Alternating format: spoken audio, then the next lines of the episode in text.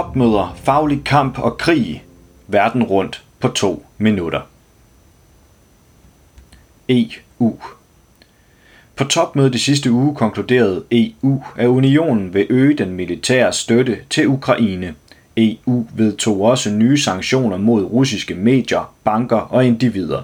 Sanktionerne forbyder desuden borgere i EU-lande at være ansat i statsejede organer i Rusland, blokerer for investering i russisk energi og forbyder konsulentfirmaer at operere i Rusland.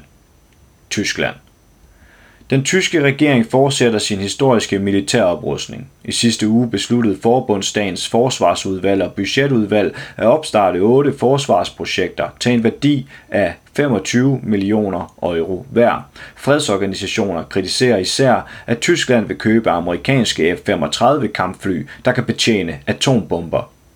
Storbritannien.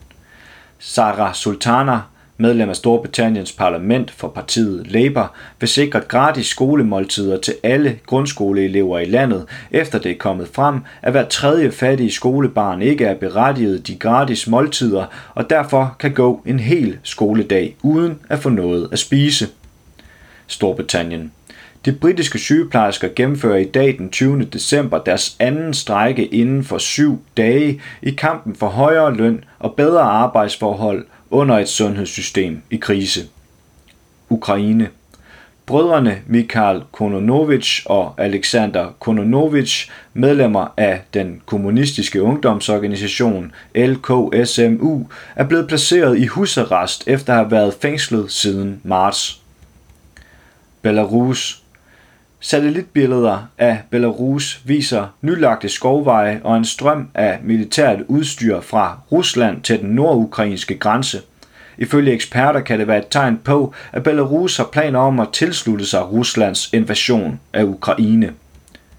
Tyrkiet Ekrem Imamoglu borgmester for Tyrkiets største by, Istanbul, er blevet dømt til over to års fængsel og har fået forbud mod at deltage i politik, fordi han ifølge dommen offentligt har fornærmet medlemmer af en valgbestyrelse. Imar Muglu, der er blevet anset som præsident Recep Erdogans primære modkandidat til næste års parlamentsvalg, må nu afvente højesterettens beslutning om, hvorvidt dommen vil blive implementeret. Republikken Kongo Uden at blive hørt eller modtage nogen former for kompensation, er omkring 400 bønder i Republikken Kongo blevet nægtet adgang til deres marker, fordi den franske oliegigant Total Energies vil etablere et CO2-kompensationsprojekt i området, hvor der skal plantes 40 millioner træer. På markerne har den hvide mand købt jorden, og vi kan ikke længere bearbejde vores marker, siger Clarice Luba Parfeite, lokal bonde. Det får at dræbe os, det får at sende os tilbage til at være slaver igen, fortsætter hun. Ægypten. Den egyptiske regering bekræfter, at Ægypten tilslutter sig den nye udviklingsbank etableret af de fem BRICS-lande Brasilien, Rusland, Indien, Kina og Sydafrika.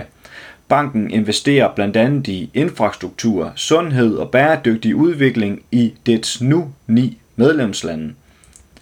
Barbados det er nu lovligt for homoseksuelle at dyrke sex i Barbados. Højesteretten har ophævet en lov, der blev implementeret af den tidligere britiske kolonimagt, som gjorde det ulovligt for homoseksuelle at dyrke sex i Barbados.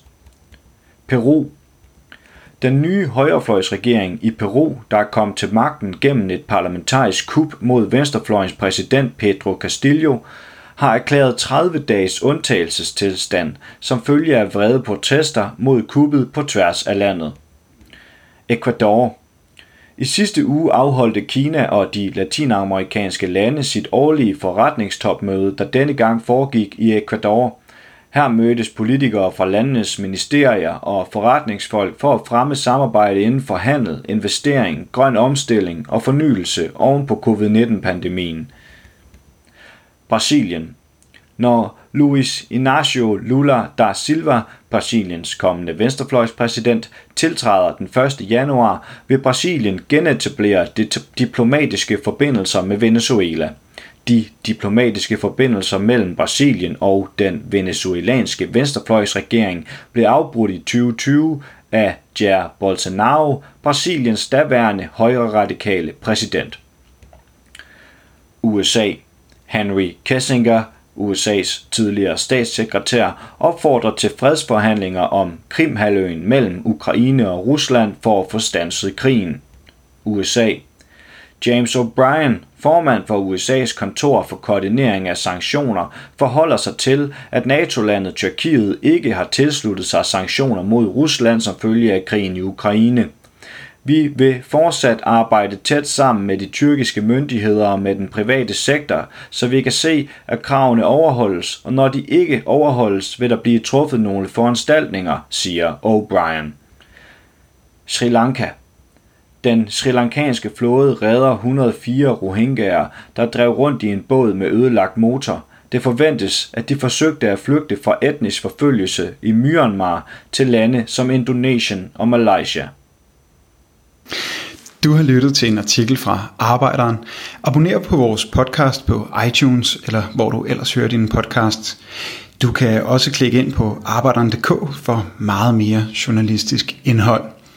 Du er også velkommen til at følge Arbejderen på YouTube, Facebook, Instagram eller Twitter, samt tilmelde dig Arbejderens daglige opdatering på Messenger. Vil du i kontakt med redaktionen, kan det ske ved at sende en mail til redaktion arbejderen.dk. Tak fordi du lyttede med.